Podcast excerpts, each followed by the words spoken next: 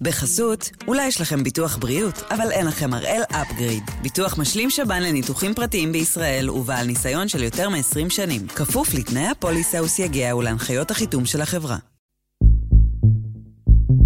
היום יום ראשון, 19 במרץ, ואנחנו אחד ביום, מבית N12.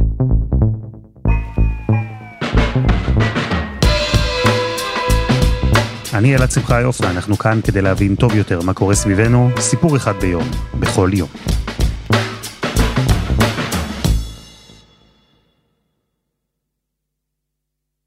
איתי אנגל לא יוצא מגדרו בקלות. אתה לא יכול לצאת מגדרך בקלות אם יום שגרתי בעבודה עבורך זה להסתובב מול ארטילריה רוסית, לצחצח שיניים עם חרב של טרוריסט סורי, או מה שזה לא יהיה שאנגל עושה בשטח. ובכל זאת, כשדיברנו איתו על אירוע אחד, אירוע שקרה לפני 20 שנה פחות יום, ב-20 במרץ 2003. כששאלנו את אנגל אם בא לו לדבר איתנו על האירוע הזה, אז הוא יצא מגדרו.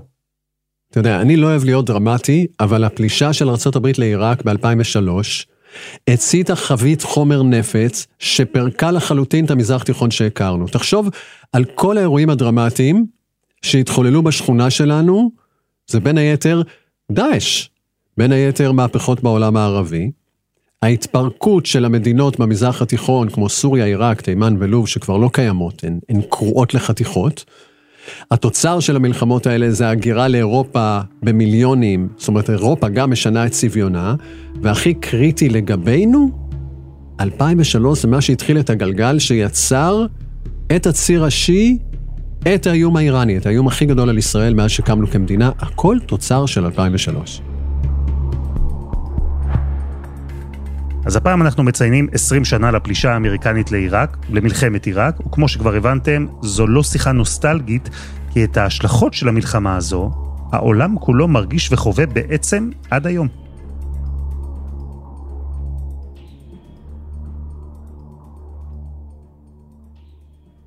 אנגל, נתחיל קצת יותר מ-20 שנה אחורה, נלך כמה צעדים לפני הפלישה לעיראק. פיגועי 11 בספטמבר, טרוריסטים סעודים, מצרים ולבנונים, במימון של אדם סעודי שחי באפגניסטן, הם ביצעו בארצות הברית את הפיגוע הכי גדול והכי קטלני בהיסטוריה.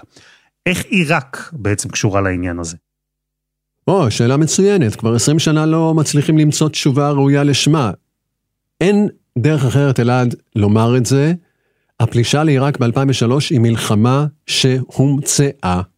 היה את 9-11, הפלישה לאפגניסטן, המלחמה שם היא מוצדקת, אבל הם לא מצאו את בן לאדן, אתה זוכר, זה לקח להם זמן.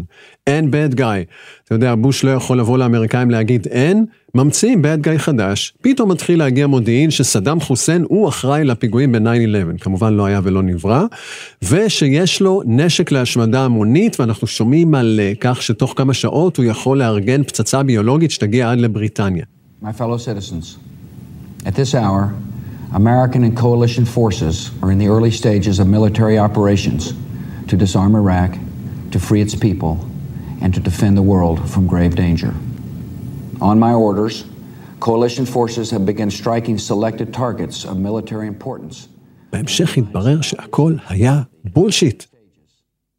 למה דווקא עיראק? כלומר, דיברו אז ומאז על הנפט, על האינטרסים הכלכליים של הברית, אבל היו הרי עוד סיבות שעלו במהלך השנים שיכולות להסביר למה הברית החליטה לפלוש דווקא לשם, למה להפוך דווקא את סדאם חוסיין למטרה.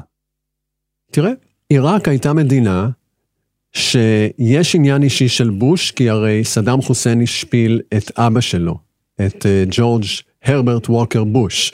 הרי במלחמת המפרץ, הם תקפו את עיראק, אבל הם לא פלשו לתוך עיראק, אבא של בוש. ואז סדאם המשיך לצחוק עליו, ואחרי שבוש הפסיד לקלינטון, הוא אמר בכלל, איזה אפס אתה, אתה יודע, והוא מתגרה באיזה קאובוי בטקסס, אז תמיד אומרים שיש את האלמנט האישי של הבן שהחליט להיכנס בסדאם חוסיין אחת ולתמיד. יש את העיראקי הגולה הזה, אחמד שלבי, שלחלוטין מכר שטויות לאמריקאים. קולין פאוול, שהיה שר הגנה, אדם הגון בדרך כלל, המציא כל מיני אה, רסיסי מודיעין שמדברים על הנשק להשמדה המונית שיש לעיראק, וקולין פאוול לפני מותו, הוא היחיד מהממשל הזה שאמר, זה היה שקר, הטעו אותנו, זה לא היה נכון. בוש מצידו אומר, ההיסטוריה תשפוט אותי, זה לא משהו שאתה יכול לבחון 20 שנה לאחר מכן, חכה איזה 200 שנה ותבין. אז זהו, אמרת בולשיט, וזה נכון, כי היו אנשים שאמרו את זה בזמן אמת, וככל שעבר הזמן התברר יותר ויותר עד כמה הטיעונים שהובילו לפלישה לא היו מגובים במציאות, חלקם התברר, התבססו על עיראקים בעלי אינטרס ששיקרו. ועם זאת, עיראק לא הייתה גן עדן לפני הפלישה, סדאם חוסיין לא היה, איך נאמר, איש נעים ונחמד. זו גם לא הייתה המדינה היחידה שאופיינה באזור בדיקטטורה פונדומנטליסטית מהסוג הזה. עיראק היא אחת מכמה מדינות במזרח התיכון ש... סליחה על ההגדרה הזאת, שהומצאו. עיראק וסוריה זה המצאה של בריטים וצרפתים. איך אתה שולט במדינות כאלה? אתה שם דיקטטור שמחזיק את כולם ביחד. על פי רוב, זה דיקטטור שהגיע מהמיעוט. בעיראק מי ששלט הוא סדאם חוסיין. סדאם חוסיין הוא סוני, אבל רוב עיראק, יותר מ-60% מהאוכלוסייה, זה שיעים. זאת אומרת, סדאם גייס צבא וכוחות ביטחון שמורכבים בעיקר מבני שבטו, אתה יודע, סונים, ועדיף שיבואו מהעיר ומהמחוז שמשם הוא ומשפחתו מגיעים, שזה תקרית. הם שלטו ביד רמה, באכזריות בלתי רגילה, אפילו במונחים הרצחניים של המזרח התיכון. נורא ואיום, אבל משהו אחד כן היה שם, היה שם סדר.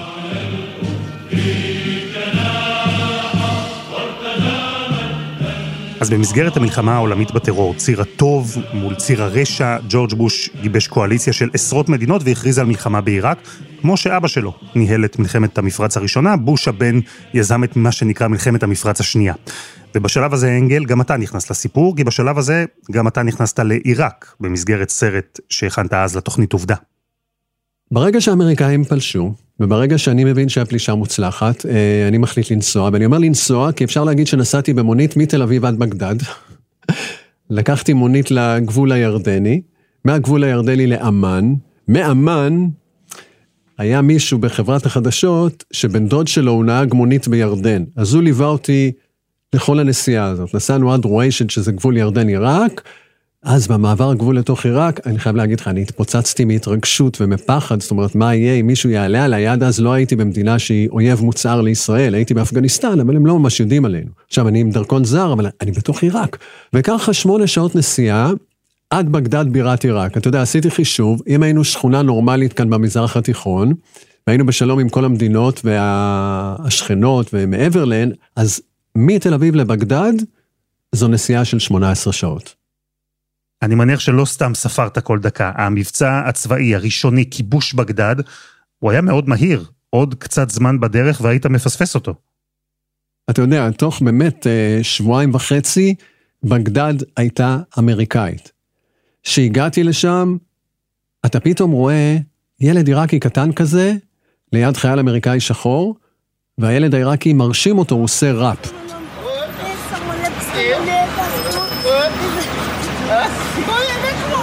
I don't know what he's saying, but it looked real good. We don't know what he's saying, but it looked good though.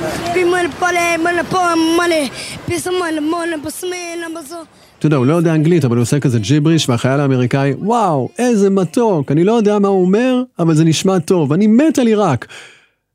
אתה רואה נערים מגיעים אליי למצלמה ומברכים את החיילים שהגיעו לעיראק, הם מספרים איך הם שונאים את סדאם חוסיין. תשמע, אני נורא התרגשתי אז לראות שהכל טוב.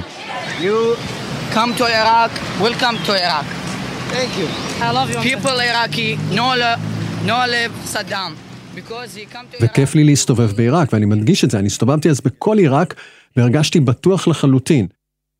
וכשאחרי שבועיים וחצי ארצות הברית השתלטה על עיראק, בשלב ההוא סדאם חוסיין עדיין לא נתפס, אבל בעצם דה פקטו כבר לא היה בעמדת כוח, אלא במסתור.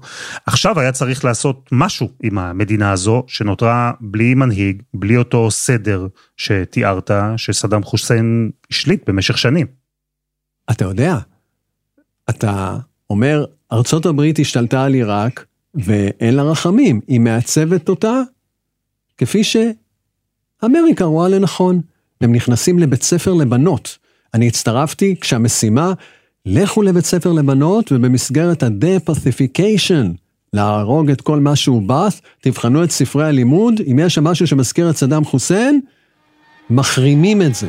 It's a girls' school, and uh, what we're trying to do, at, well, just a school, but um, what we're trying to do is um, make sure that they're teaching correct curriculum um, and uh, things that uh, that don't favor a bath party. That's why we're coming in. We're going to isolate the classroom, have the teacher removed, and talk to some of the students. זהו, זה די מדהים לראות את ההיקף של הפעולה האמריקנית, את המרחק שהם הלכו כדי לדאוג שלא יהיה שום זכר למפלגת הבאס של חוסיין, לא בספרי הלימוד, לא במוסדות ציבור, הם ניסו למחוק לחלוטין את החלק הזה של עיראק. תראה, איך שהגעתי לבגדד למשל, בכביש הראשי, ממש איך שהגעתי לבגדד, אני רואה תהלוכה גדולה של אנשים. שמע, האמת שבכלל לא ידעתי מי הם, חוץ מזה שהם רתחו מזעם והיו מאיימים, ואז הם מתקרבים, וחולפים על פני המצלמה, ואני שומע את הקריאות שלהם, זה ערבית עיראקית, והקריאה זה, יא עיראקי, הצבא שלך הוא בושה וחרפה. ואיכשהו יצא, שנפלתי על האנשים הכי מעניינים, שהכי הולכים לשנות את המזרח התיכון, אבל בנקודת הזמן ההיא, אף אחד לא קלט את זה. הם היו מה שנקרא אבעטיסטים. זה החיילים של צבא של סדאם חוסיין, שהם סונים, וכרגע האמריקאים הגיעו והם העיפו אותם והשפילו אותם. הם סונים כמו סדאם, ורוב העיראקים הם שיעים, אז הם בזו להם, יאללה לכו, פעם הייתם גדולים, עכשיו אתם פח הזבל של ההיסטוריה. כי האמריקאים שכבשו את עיראק אמרו דבר כזה, אנחנו נבנה צבא עיראקי חדש, כל העיראקים מוזמנים להצטרף אליו, אחלה משכורות יהיו שם, אבל רק קבוצה אחת בשום פנים ואופן לא תהיה חלק מהצבא הזה, הבעטיסטים. הם אויבים שנלחמו נגדנו, אנחנו מוחקים את כל העניין הזה של הבעת', האמריקאים קראו לזה דה-בעתיפיקציה. לא יהיה יותר. עכשיו, החבר'ה האלה, אחד המפגינים, תופס לי את המיקרופון. המיקרופון של המצלמה והוא מתחיל לצרוח. בגלל שעושים לנו את זה, אנחנו נשרוף את העולם. לא תהיה עיראק, אתה תראה, גם לא תהיה סוריה.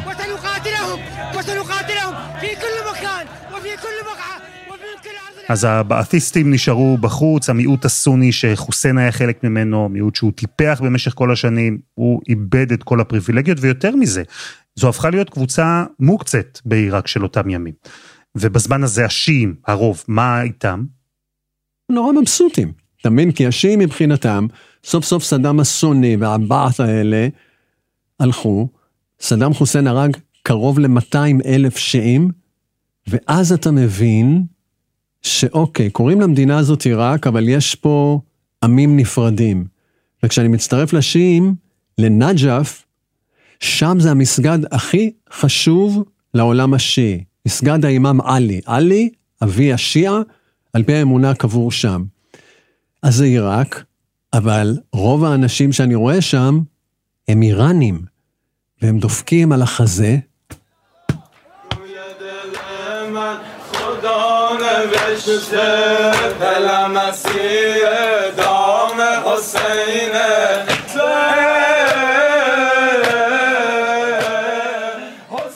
איראנים בוכים, אתה רואה תמונות וכרזות של חומייני, זה שיעים שמקבלים את ההוראות שלהם מאיראן, ואני מתחיל להבין, אוקיי, השיעים יקבלו את המדינה, ויקבלו הוראות מאיראן איך לנהל את המדינה. זה 2003, וחותמת 2003, ג'ורג' בוש, שמסכם את הפלישה. Major combat operations in Iraq have ended. In the Battle of Iraq, the United States and our allies have prevailed. Because of you, our nation is more secure. Because of you, the tyrant has fallen and Iraq is free.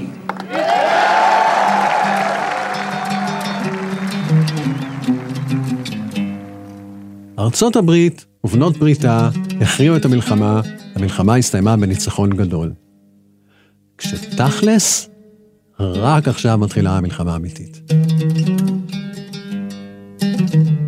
זמן מצוין לחסות אחת, וממש מיד חוזרים.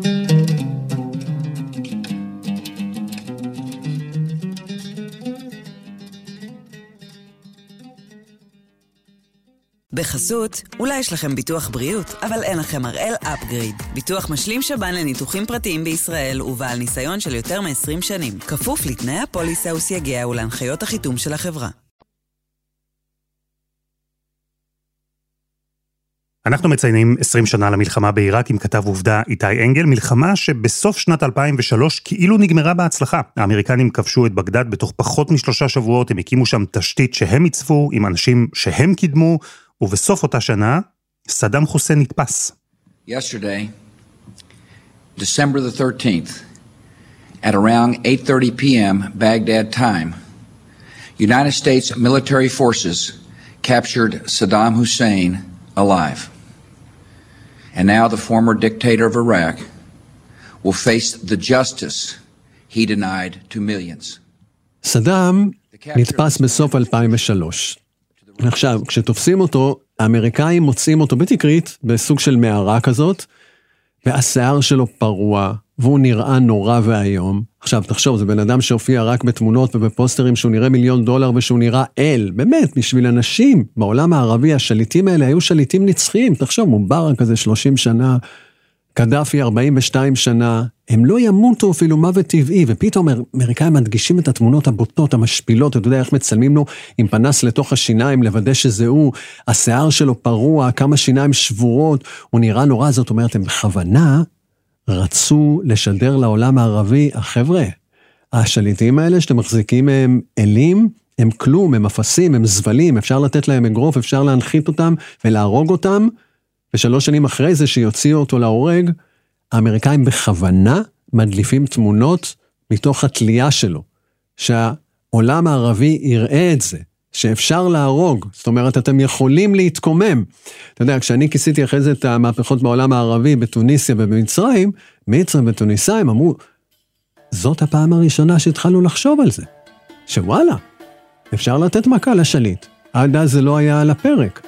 זאת אומרת, כאן, אתה יודע, נטמנים הזרעים שיבשילו באביב הערבי שיהפוך למהפכות אלימות בעולם הערבי. אז עברה שנה, האמריקנים עדיין שם, בעיראק, למרות ההכרזות שהמשימה הושלמה, למרות שסדאם חוסיין נתפס, בשלב הזה של המלחמה, אתה אומר, המלחמה בעצם רק התחילה. תקשיב, תוך שנה, קטסטרופה מוחלטת. דיברנו על הסונים, ב-2004, בפלוג'ה, האמריקאים עוצרים עשרות פעילי תנועת התנגדות עיראקית, שתכלס זה הסונים שדיברנו עליהם, הרבה באטיסטים, וביניהם יש אחד ששמו אבו בכר אל-בגדדי. עכשיו, שתבין, אבו בכר אל-בגדדי דווקא לא היה באטיסט, הוא לא היה חייל של סדאם. עד הפלישה הוא היה מורה לאסלאם, הוא היה כזה צנוע, שקט, מאוד אה, מכונס בעצמו, וכמו הרבה סונים אחרי הפלישה, הוא רואה שהמדינה עוברת לאמריקאים, שמעבירים את השלטון לרוב השיעי, וואו, לא יעבור, הוא הופך ללוחם. עכשיו תופסים אותו, משם הוא יישלח למחנה שבויים שקוראים לו בוקה, הרבה באטיסטים יהיו שם גם בבוקה, שזה, המחנות האלה, אתה יודע, זה אוניברסיטה לג'יהאד והוא הסטודנט המצטיין. עכשיו, אומרים עליו, על אבו בכר אל-בגדדי, שבעתיד ייסד את דאעש, שאלמלא הפלישה האמריקאית לעיראק ב-2003, הוא היה ממשיך לשמש כמורה צנוע לאסלאם בבית הספר. זהו, שאותם סונים, לשעבר חיילים בצבא של סדאם חוסיין, אלו שהאמריקנים זרקו משם, ממוקדי הכוח. אלו שראית כמה חודשים לפני כן הולכים בצעדה ברחובות בגדד, דופקים על החזה וצועקים שלא תהיה עיראק ולא תהיה סוריה. הם הגרעין של ארגון דאעש, אז הארגון הזה נולד, וגם הוא אחת מהתולדות האלה של המלחמה בעיראק ששינו את העולם. ואנגל, כשנכנסנו לפאזה החדשה של המלחמה, שוב נסעת לעיראק, כלומר, אחרי שכבר הכל השתבש. אני עושה גיחה שנייה לעיראק. אני מסופח לחיילי מרינס אמריקאים, אני מה שנקרא אמבדד יחד איתם כשבוע, בפלוג'ה, העיר הכי נוראה לאמריקאים. עכשיו, מה שקורה בפלוג'ה, מה שקורה במשולש הסוני, אני מצטרף לחיילי מרינס, ואנחנו אוכלים מטעני צד. עכשיו, המצלמה קולטת את הפיצוץ, קולטת את האמריקאים בקריזה, And uh, your dismount, we go and t- take down the terrorists. Oh, fuck you, motherfucker. Okay. Everybody's okay. הם שמים שבויים על האדמה, שמים את המשפחות שלהם, שמים ילדים, שמים נשים, הם לא סומכים על שום דבר, חוקרים אותם בצורות הכי איומות, ואתה יודע, יש מתורגמן לחיילי מרינס, קוראים לו איי-ג'יי. ואני סיפרתי לך, אלעד, שבשנה הראשונה של 2003 אני יצאתי לטייל, אתה יודע, כמו בשביל ישראל, טיילתי בעיראק, צפון, דרום, מרכז, הרגשתי הכי בטוח. הוא אומר לי, תקשיב, אם אתה מסתובב עכשיו בקוטר של 200 מטר מפה, יהרגו אותך. What's the situation in here now? Uh, if, if I try to move by myself in here? No, you'll be killed. You'll be killed. We got a lot of tourists here. You don't see any journalists hanging around by themselves. No way. No way. אז מגיע גם חייל אמריקאי, שהוא אמיתי ובלי פוליטיקלי קורקט. אתה יודע, האנשים האלה נלחמו איזה שבועיים וחצי, ופתאום הם הפכו לחיילים של שיטור. הוא אומר, די, נשבר לי. אני לא מבין עכשיו מי האויב ומי לא, מבחינתי אני רוצה להרוג את כולם. Yeah, pretty much. I mean, you hit it right on the head. I mean, in my mind, I think everybody else's mind, we want to kill everybody, you know, because they're all the enemy. We go from the desert. עיראק קרסה. אני זוכר שבפלוג'ה, אתה יודע, אתה מנסה כעיתונאי, למרות שאתה עם האמריקאים, להביא את הצד השני. והמקומיים, היה איזה אירוע נורא בפלוג'ה שהם הרגו ארבעה קבלנים אמריקאים ושרפו את הגופות שלהם ואת השיירים של הגופות הם גררו על הרצפה. אלה היו תמונות איומות, אבל כאן ארה"ב הבינה, אכלנו אותה. חשבנו שניצחנו, רק עכשיו זה מתחיל. והחבר'ה שאני מדבר איתם, נו, מה אתה רוצה שנעשה? למה אתה בא אליי בטענות? זה חבר'ה כובשים. دخلوا الينا محتلين فماذا نفعل بهم؟ هل نوزع لهم الحلوى؟ لا. ام نعطيهم ورود؟ لا. ام نرش عليهم العطور؟ لا. انت دخلت لي محت... ك- كمحتل מה, אני אתן להם פרחים? מה, אני אתן להם אה, בשמים, נפזר עליהם, סוכריות? והאמריקאים שאני איתם בפלוג'ה, חלק מהם אגב בסרט. יש אחד שמעריץ את בוש ואומר, אני אהיה כמו בוש. I'll be the president of the United States. You will be? Hell yeah. Hey, nice to meet you. nice to meet you too. I'm gonna be like Bush though, because Bush is the man.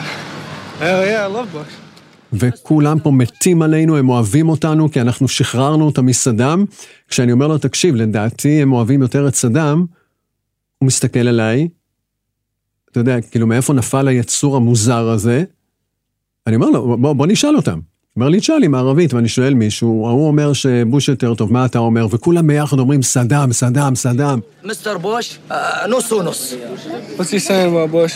Ask him if he'd rather have Saddam Hussein in power than us be here. الجندي سهل آه، شو انت بتفكر احسن آه، تحت آه، صدام وتحت آه، لا تحت صدام احسن طبعا كان امر على صدام. طبعا صدام صدام.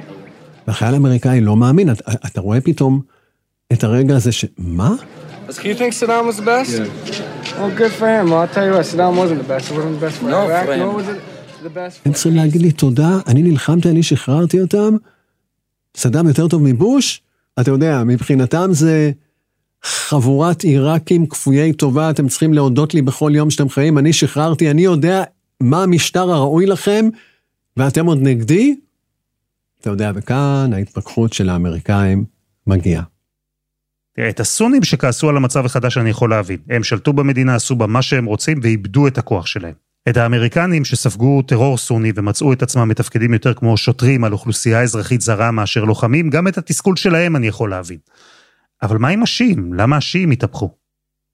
ברגע שהאמריקאים סופגים המון מטעני צד, הם חושדים בכולם. לך תסביר לאמריקאים מה זה סוני, מה זה שיעי, מה זה כורדי. הם משכיבים את כולם על הרצפה, מאיימים שיהרגו אותו ואת כל המשפחה שלו. אתה יודע, אני זוכר שצילמתי רגע שבו ראיתי ממש מול העיניים איך משפחה מתהפכת. שאהבו את האמריקאים, ואז תפסו מישהי אה, במחסום, תרימי את הידיים. היא לא מבינה את האנגלית. עכשיו, האמריקאים בטוחים שכולם מדברים אנגלית. תרימי את הידיים. היא לא מרימה, ואז החייל מגיע, ואז, אתה יודע, היא מגנה על עצמה, מה פתאום שהוא ייגע בי? מה פתאום שגבר ייגע בי? עכשיו החייל, אתה נכנס לראש שלו, אהה, עליתי על משהו, כנראה יש לך גורת נפץ. ואז עם עוד חבר, תופסים אותה, מורידים לה את החזייה, אתה יודע, משפילים אותה. עכשיו תחשוב, זה משהו שהמשפחה עברה, אבל בלילה הם יספרו בבית, כשכל החמולה תתאסף, מה האמריקאים עשו. זאת אומרת, גם אם היו חבר'ה שיעים, הסנטימנט הבעד האמריקאים האלה, שדי שחררו אותנו, הופך להיות לאנטי גדול. עכשיו, וכשאני מדבר עם השיעים עצמם, אני מדבר איתם על האמריקאים שמשקיעים בהם כסף ונשק. האמריקאים זה כובשים, ארורים, אנחנו לא רוצים שיהיו בעיראק. וואו. אז כולם שונאים את כולם, הסונים נלחמים בשיעים, הכורדים נלחמים בסונים ובשיעים, כולם נלחמו באמריקנים. איך בשלב הזה בכלל נראתה עיראק? המדינה היא גיהנום מוחלט. בכל יום נהרגים לך כמה אמריקאים, נהרגים לך כמה עשרות עיראקים, בממוצע ליום, שתבין, אם בחודשיים וחצי הראשונים לפלישה ב-2003, הערכה שנהרגו כ-7,000 בני אדם, היום אנחנו מדברים על עיראק וכל הגלגולים שלה של בסביבות חצי מיליון הרוגים. זאת אומרת, הכל מתפוצץ. גם האמריקאים שנלחמים בסונים, הג'יהאדיסטים שיהפכו להיות דאעש, גם סונים ושיעים, זה עיקר ההרג בינם לבין עצמם, ו, וזו עיראק. והג'יהאדיסטים האלה שאתה מתאר, הם מילאו את עיראק בטרור, זו כבר הפכה להיות מלחמה אחרת, כי האמריקנים עדיין היו שם. יש להם אחריות על האזרחים ועל המדינה שהם כבשו. אז בשלב הזה הם התמקדו בלוחמה בטרור. ברגע שיש את הדבר הזה שקוראים לו דאעש, שהם מסמנים את האמריקאים והורגים אמריקאים, אתה יודע, לעיני המצלמה, כל הפוקוס הולך עליהם. וברגע שכל הפוקוס הולך על דאעש, השיעים מנצלים את זה הכי טוב.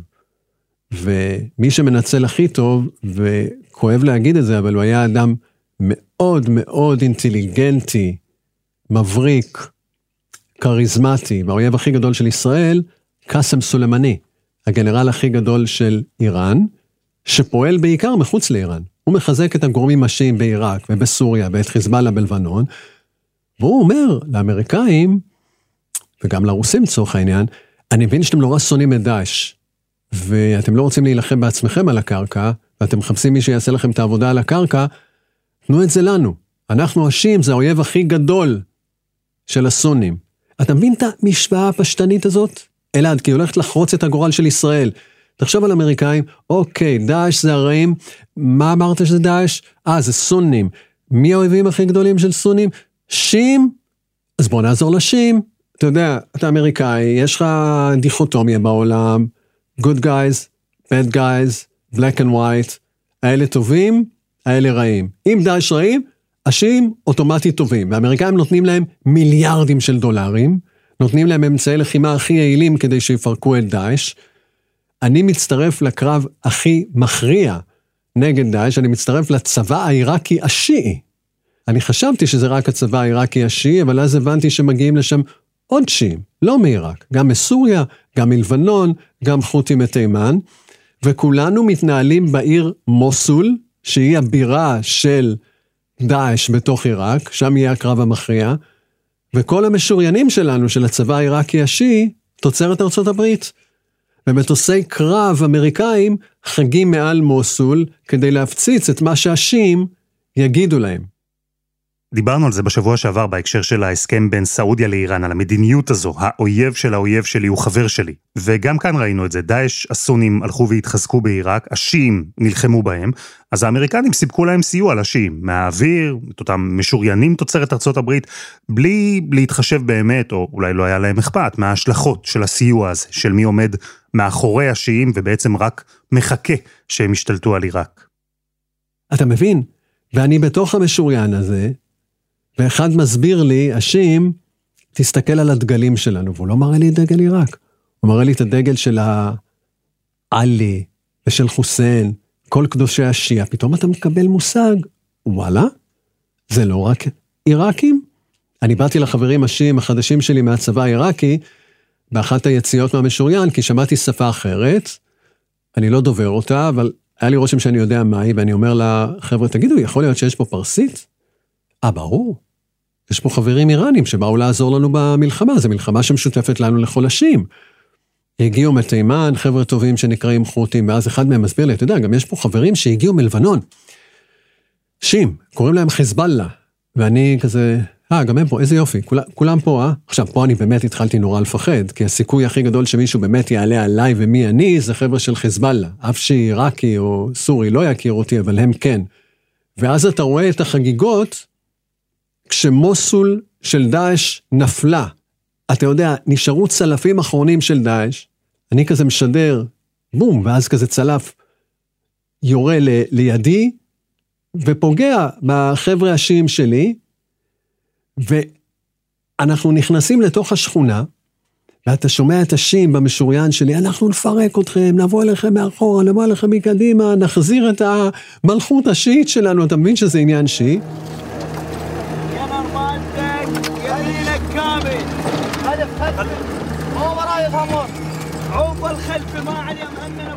וברקע, דאעש מפעילים מרמקולים הקלטה של אבו בכר אל-בגדדי, כדי להפחיד את השיעים שמנסים להיכנס. והוא מאיים, אתה יודע, כהרגלו, נאכל אתכם, נשתה את הדם שלכם, אה, נלעס את העצמות שלכם. אבל שמע, שם דאעש הובסו. אני זוכר, כשפתאום היה שקט, אמרתי, זה מדהים. דאעש נגמרו.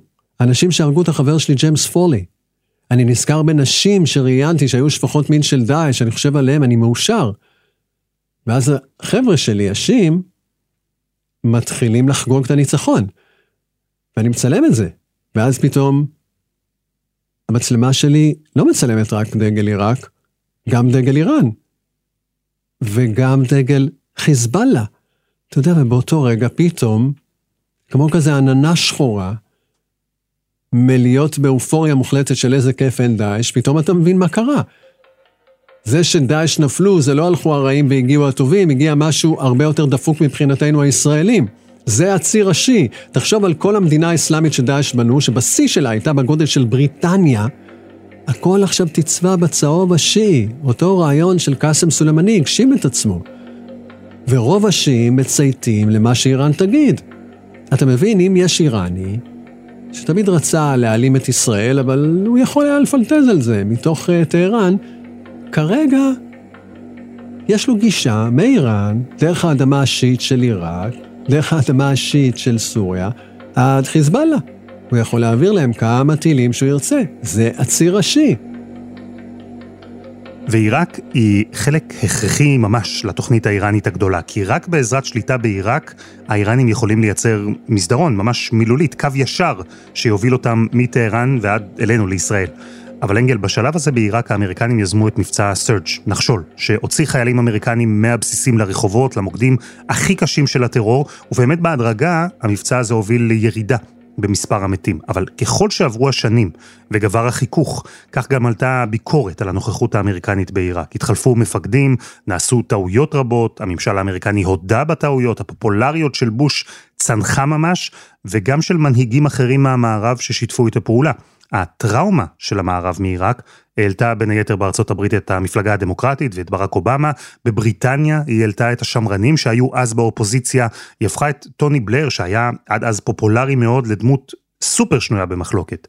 ובשלב הזה גם התחילה נסיגה איטית של הכוחות האמריקנים מעיראק, עד שבשנת 2011 ארצות הברית הכריזה רשמית, זהו, סיימנו את התפקיד שלנו בעיראק. תראה, האמריקאים מתעייפים מהמלחמות שלהם במזרח התיכון. כשאתה חושב לאחור, הם היו 20 שנה באפגניסטן, 17 שנה בעיראק. מבחינתם, די. הם עושים את זה בהדרגה. במקור היה כוח של יותר מ-150 אלף חיילים. אז האמריקאים כבר לא לוחמים ברחובות, הם בהתחלה מסייעים לצבא העיראקי להילחם נגד דאעש, אבל מדלדלים עוד ועוד. האמריקאים מדללים את הכוחות שלהם, עד שהיום הם נשארים עם אלפיים חיילים. ואומנם האמריקנים, לפני שעזבו, השאירו בעיראק תשתית לכאורה דמוקרטית יותר, אבל היא מאוד לא יציבה. והשנים שאחרי הנסיגה של ארצות הברית היו מאופיינות במלחמות, בטרור, בפילוג אלים בין סונים, שיעים, כורדים. עיראק של היום היא לא בהכרח במצב טוב יותר מאשר עיראק של לפני 20 שנה. עיראק של היום היא די טרגדיה. קודם כל היא מדינה נורא נורא נורא ענייה. אני אתן לך, אתה יודע מה? שתבין את עיראק. יש חוק, הוחלט עכשיו בממשלה החדשה בעיראק, שגם כן, כל הזמן, ממשלה נופלת, פרלמנט קורס, בחירות, שיתוק. ממשלה חדשה, שיעית, שכמובן מקבלת גיבוי מאיראן, חוק שאוסר על מכירה ושיווק ויבוא אה, של אלכוהול. עכשיו, יש קנס עצום לאלה שיפרו את החוק עד 16 אלף דולר שווה ערך, זה משהו כמו 25 מיליון דינר. עכשיו, ניסו גם ב-2016 לעשות חוק כזה, והייתה התקוממות נגד זה. כי מלא עיראקים הם לא כאלה איסלאמיסטים. אתה יודע, יש לך יזידים, ויש לך נוצרים, ויש לך גם uh, מוסלמים שונאים ושיעים, שבחייאת, תן לי לשתות, מה הדבר הזה? די, מה, כולנו דאעש או uh, שריעה כזאת או שריעה אחרת? זאת אומרת, ב-2016 פוצצו את החוק הזה, ועכשיו יש ראש ממשלה, קוראים לו מוחמד שיעה אל-סודני, שאומר, אני רוצה להעביר את החוק הזה. הכל מתפוצץ. אין לך אפילו קול השים בעד, נגד רעיון שהסונים נגדו. אתה לא יכול להעביר כמעט שום חוק, כי בפרלמנט שמנסים לייצג בו את כלל האוכלוסיות, הכורדים התנגדו למה שהסונים רוצים, הסונים התנגדו למה שהשיעים רוצים, המדינה בקושי זזה. אז אני מסתכל על כל התהליך הזה, הפלישה שהובילה בין היתר לניצנים של האביב הערבי, להקמה של דאעש, להתחזקות של איראן, לשינויים פוליטיים אדירים במערב, למשבר אמון בין אזרחים לבין המנהיגים שלהם שהציגו מידע מוטעה ושקרי, תהליך שהוביל למלחמות אזרחים בכל המרחב של המזרח התיכון. כל התהליך הזה, כל ההשלכות שלו, ואי אפשר לומר שהמלחמה בעיראק הסתיימה בניצחון. לא, ממש אין ניצחון. יש לך רק את אה, ג'ורג' בוש שאומר, לפני שאתם קובעים שזו תבוסה, וזה הבושה הכי גדולה בתולדות הברית, כי זה גם מה שהוביל לירידה בקרנה הבינלאומית של אה, הברית, חכו. אתם לא יכולים לשפוט את זה תוך זמן כזה קצר. 20 שנה זה זמן קצר, אין פרספקטיבה אמיתית. יום אחד אולי תבינו שזה היה הדבר הכי חכם שנעשה. תחכו. ואתה מבין, 2003, הפלישה הזאת, השבוע לפני 20 שנה, קרעה את המזרח התיכון שלנו, בלי שום סיכוי שהוא יחזור להיות מה שהוא היה.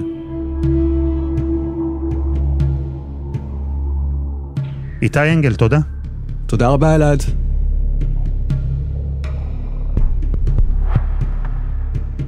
וזה היה אחד ביום של N12, אנחנו מחכים לכם בפייסבוק, חפשו אחד ביום, הפודקאסט היומי. העורך שלנו הוא רום אטיק, תחקיר והפקה רוני ארניב, עדי חצרוני ודני נודלמן, על הסאונד יאיר בשן שגם יצר את מוזיקת הפתיחה שלנו, ואני אלעד שמחיוף, אנחנו נהיה כאן גם מחר.